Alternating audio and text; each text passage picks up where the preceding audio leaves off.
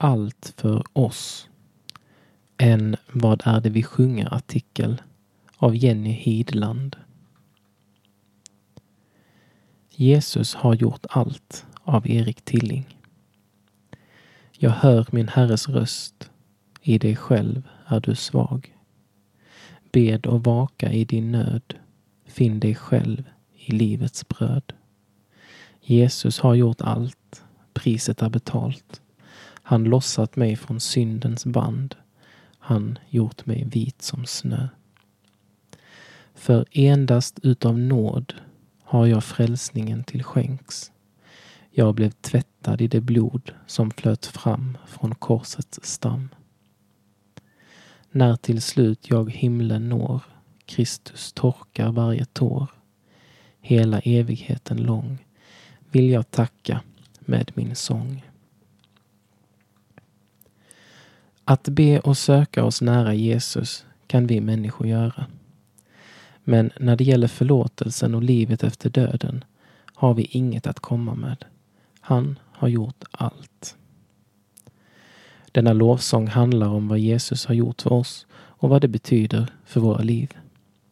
Genom verserna går en röd tråd från insikten om att vi är brustna och svaga människor vidare till nåden och befrielsen genom Jesus död på korset för att sedan avslutas med att vi står inför Herren som tar emot oss för att gå in i evigheten.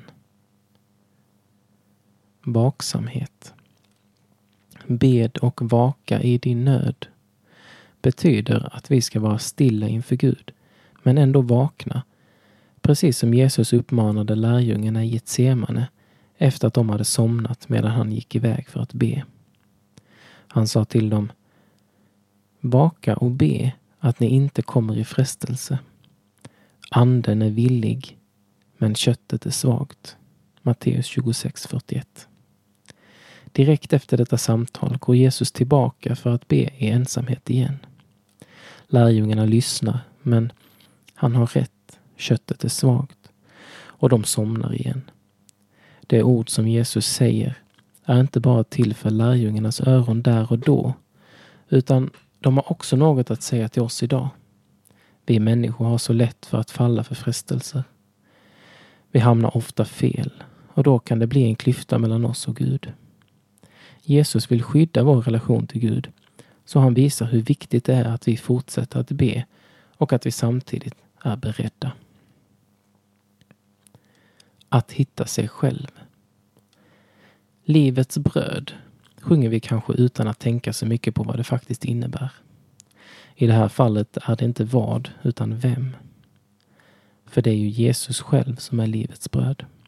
Låtskrivaren vill påminna oss om allt vi har i Kristus och att det är hos honom och endast honom som vi kan finna oss själva på riktigt. Den högsta kärleksförklaringen.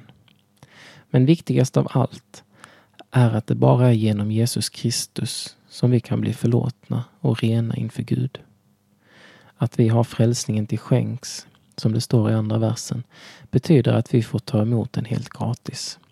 Jesus har dock inte bara betalat skulden för det vi redan gjort, det vi gör nu och allt det som vi kommer att göra mot Guds vilja. Han har dessutom säkrat vår framtid. En framtid där vi får vara med honom i evighet. Är inte det en kärleksförklaring på högsta nivå? Jesus har verkligen gjort allt för oss.